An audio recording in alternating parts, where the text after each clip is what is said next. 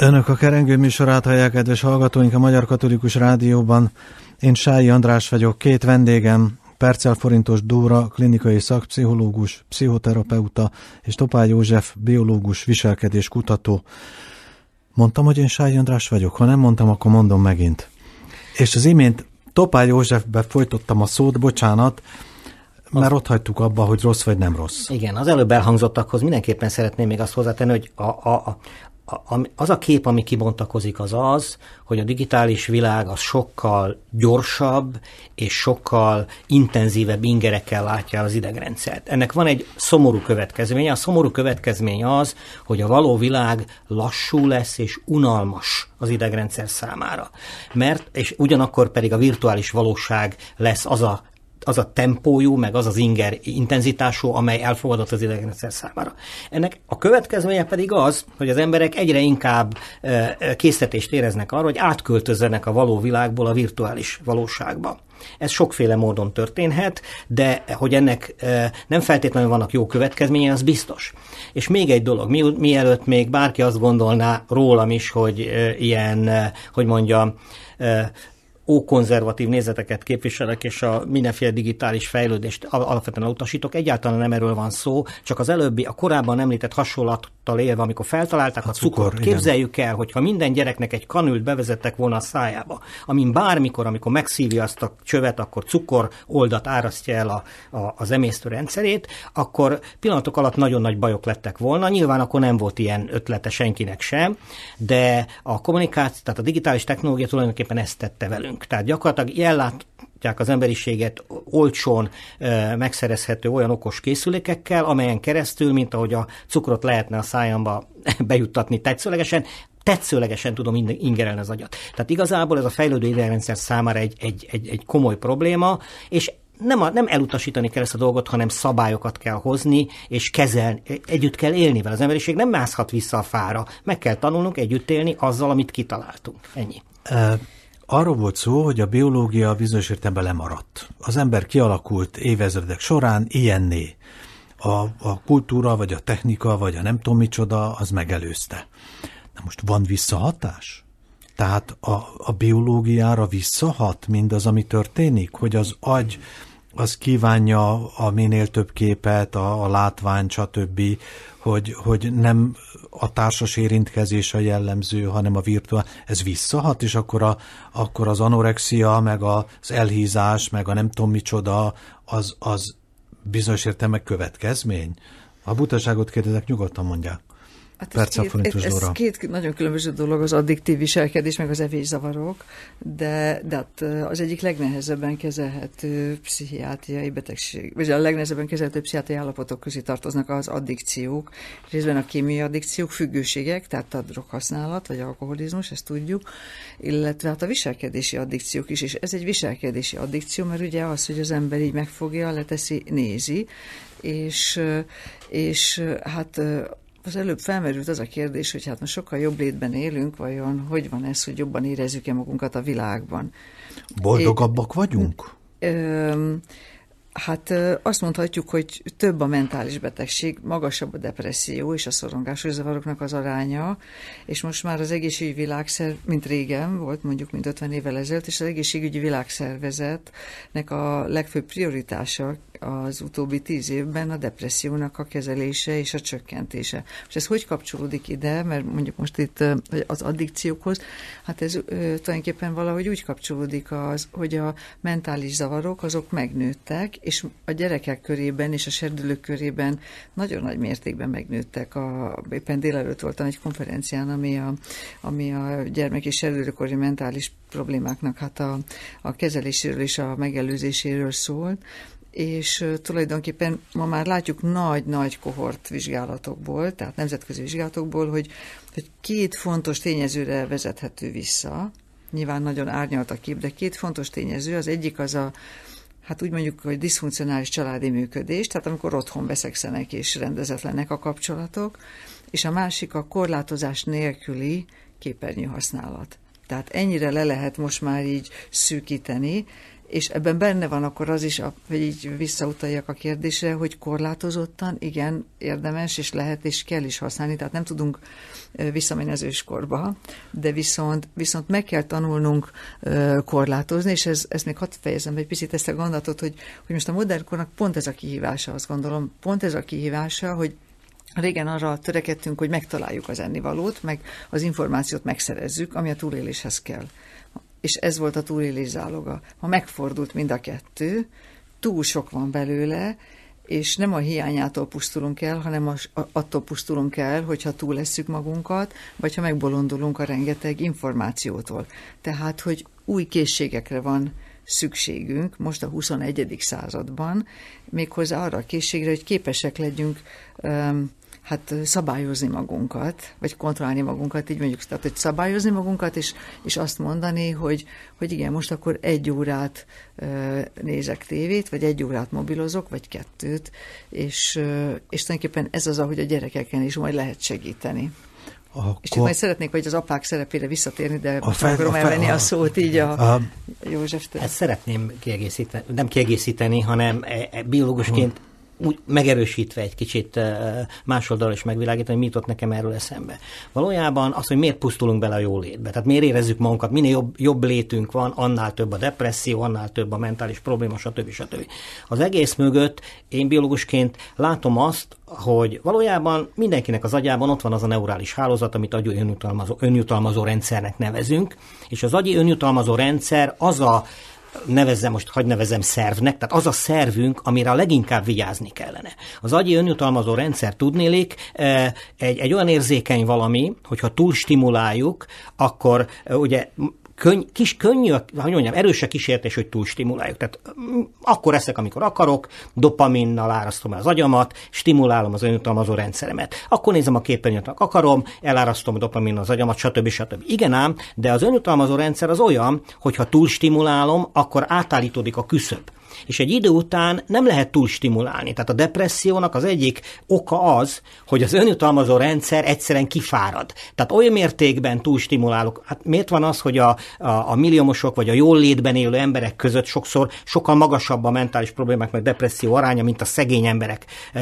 között, mert a szegény ember kénytelen kelletlen az agy, agyi önjutalmazó rendszerét szorosan kordába tartani, nem tudja túl stimulálni. Én ezért szoktam azt mindig mondani a hallgatóknak is, amikor erről beszélgetünk, hogy, hogy nagyon vigyázzanak az agyi önjutalmazó rendszerükre, nagyon gondosan, okosan és tudatos, nem hiába van az emberi kultúrába beépítve azok a kulturális, hogy mondjam, tradíciók, mint a, a bőjt, mint a megvonom magamtól a dolgokat bizonyos időre, ezzel tartjuk karban az agyi önjutalmazó rendszerünket. Csak nem az volt, hogy akkor a dopamin rendszeredet egy kicsit vedd visszább, nehogy elszaladjon veled a ló.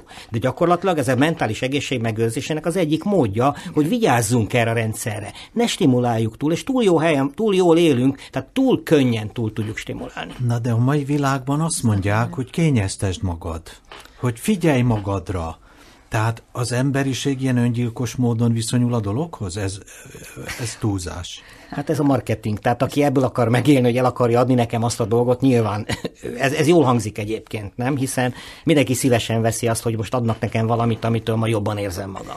De, de ez de, egy ilyen...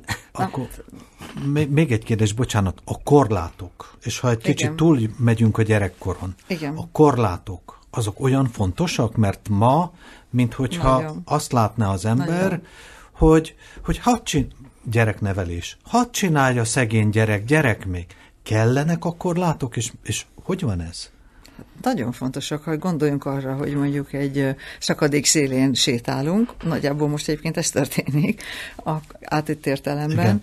akkor azért az korlátoz minket, mert viszont meg is véd, nem? A leeséstől. Tehát, hogy a korlát azért az, az arra szolgál, és, és nagyon-nagyon fontos a gyereknevelésben is az, hogy korlátokat szabjunk, hiszen a szülő azáltal, hogy korlátoz, ugye, hogyha egy szeretett kapcsolat van a gyerek és a szülő között, akkor a gyerek ezt beépíti, és akkor ő is elfogadja azt, hogy itt azért nem lehet mindig mindent.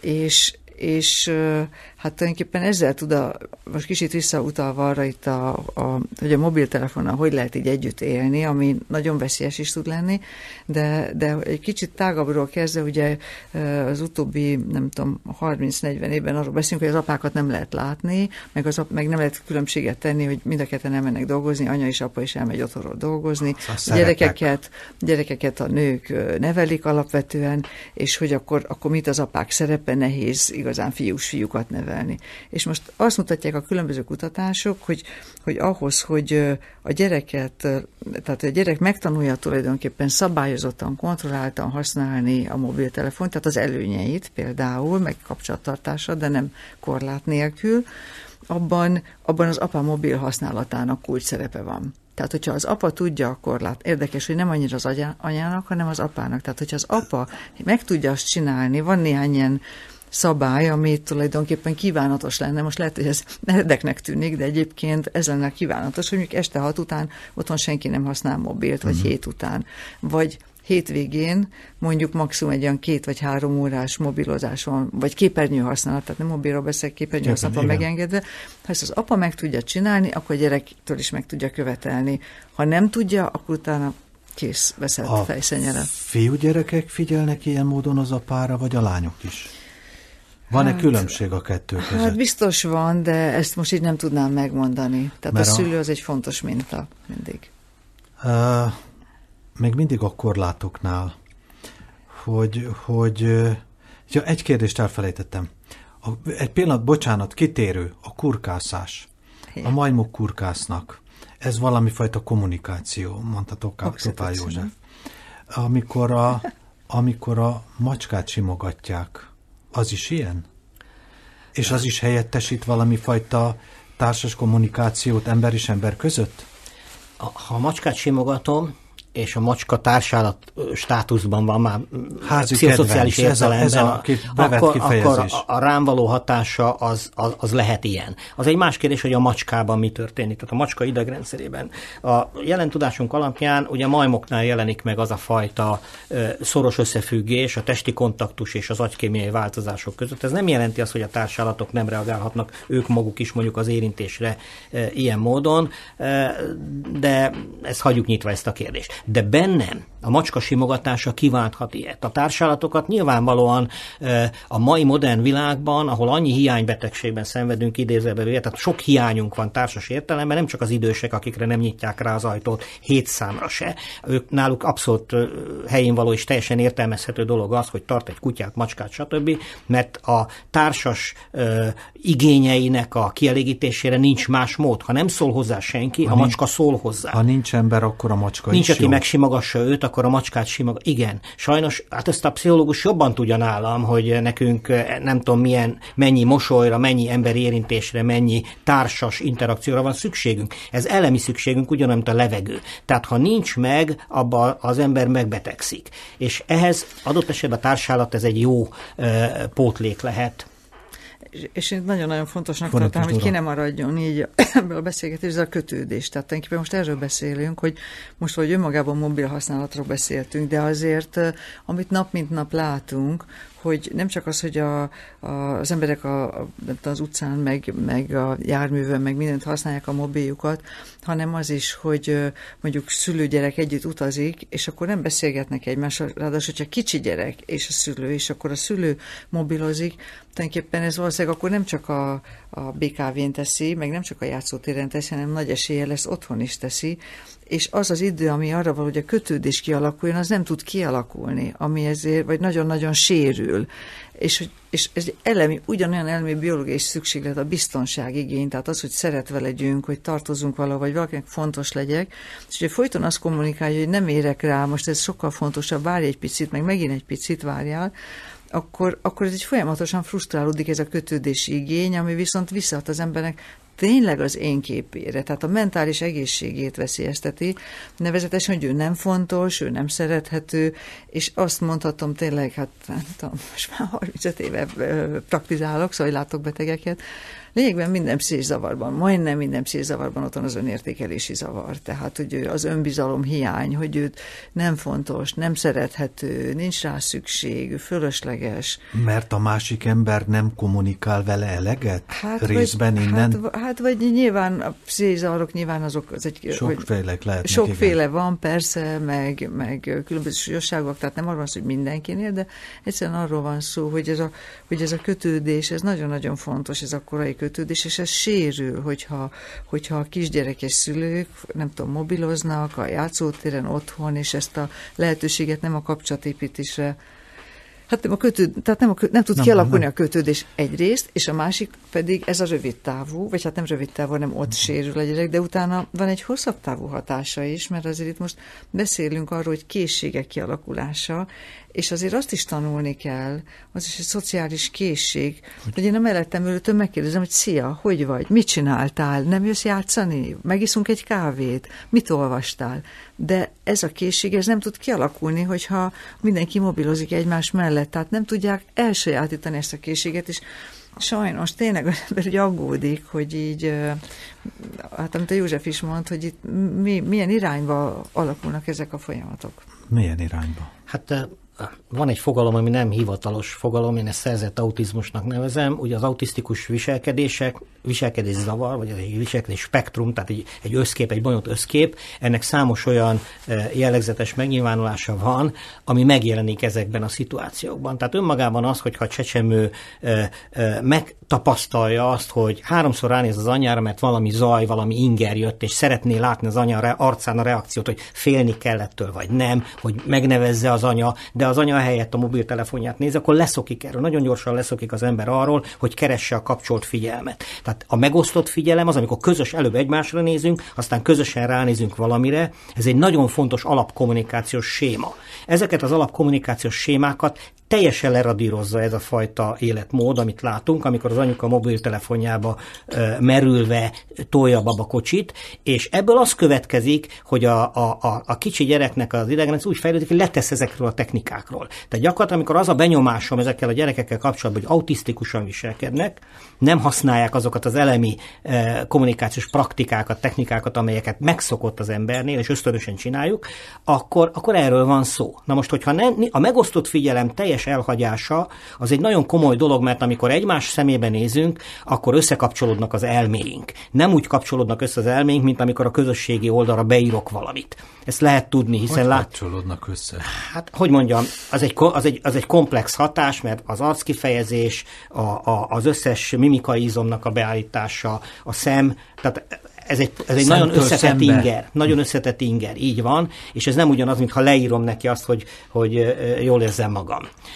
És e, ennek, ettől, amikor ez, ez megszűnik, akkor egy egészen más módon kommunikáló emberiség alakul ki. És ez az, amire a, a digitális bevándorlók úgy érzik, hogy egyre autisztikusabb a világunk.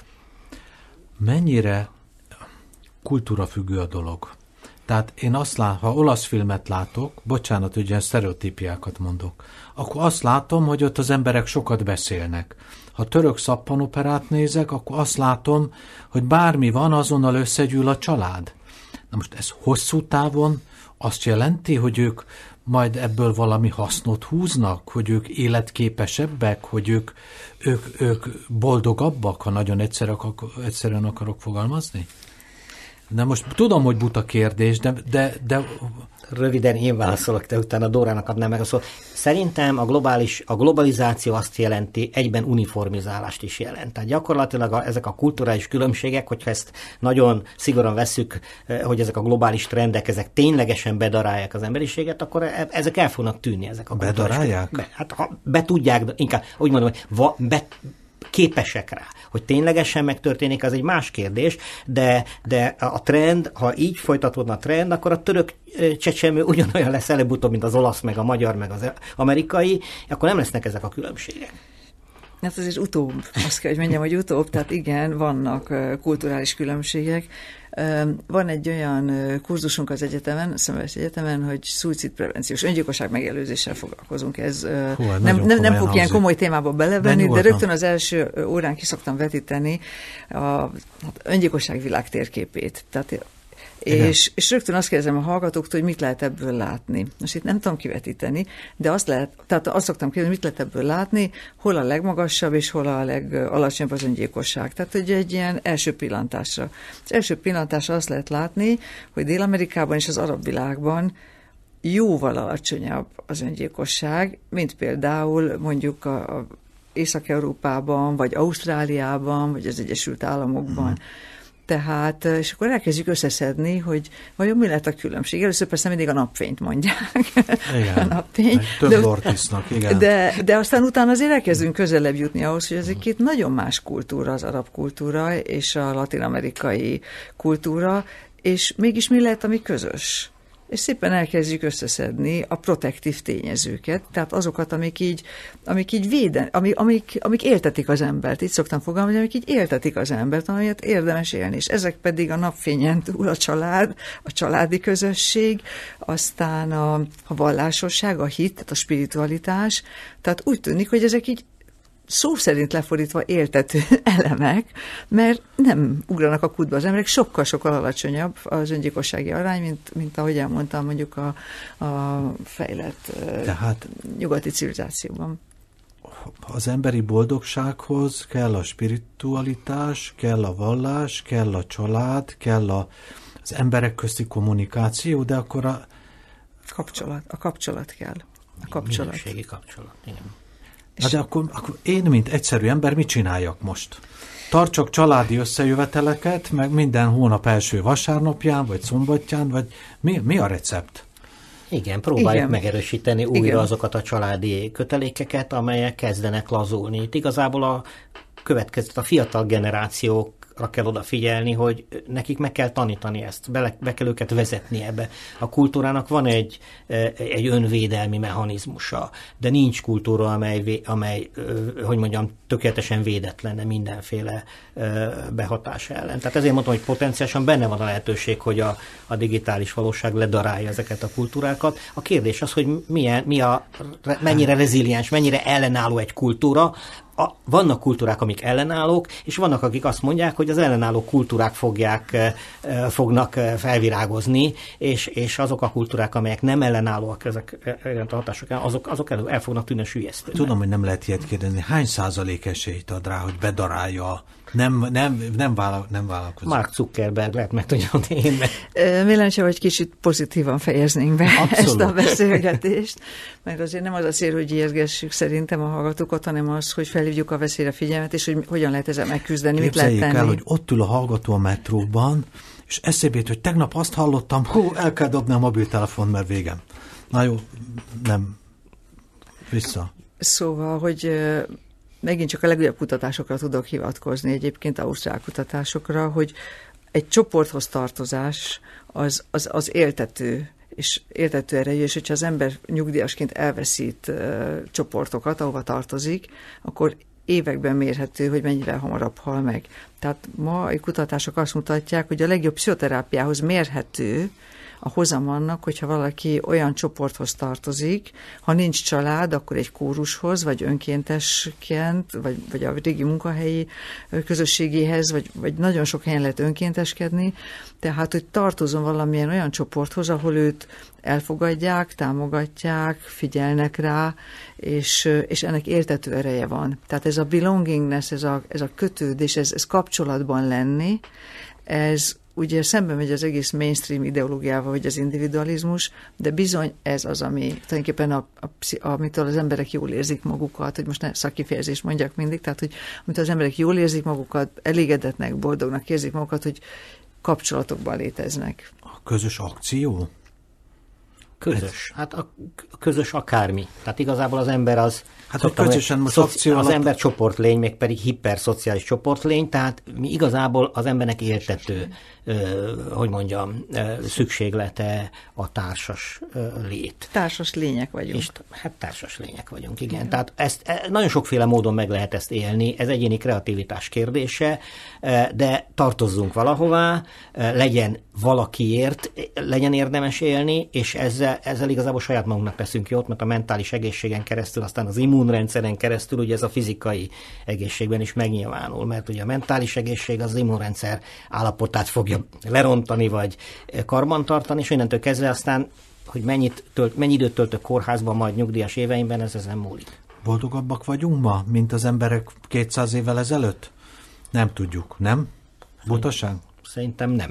nem? De, de ez nem egy pozitív hozzáállás, úgyhogy inkább nem nyilatkozom. Szerintem ez egy gyönyörű gondolatmenet volt, amit most a József mondott, hogy ezt, ezt, ezt, ezt mindenkinek tudnia kéne, hogyha jól érzi magát a bőrében valaki, tehát elégedett a kapcsolataiban, akkor már érdemes dolgozni, érdemes valamit csinálni, tehát akkor van értelme tulajdonképpen annak, amit csinál, és ez egyszerűen, hát igen, az egy védettséget ad még hozzá az immunrendszernek a működését is stimulálja, és, és akkor az életévekben mérhető hogy az egészséges életévek száma, vagy egészségben eltöltött életévek száma azt tud nőni ezáltal. Kedves hallgatóink, Önök a Kerengő műsorát hallották a Magyar Katolikus Rádióban. Műsorunk vendége volt Percel Forintos Dóra, klinikai szakpszichológus, pszichoterapeuta, és Topál József, biológus, viselkedés kutató. Technikus kollégám Urbán Péter, a szerkesztő Sályi András, köszönöm figyelmüket, a viszonthallásra.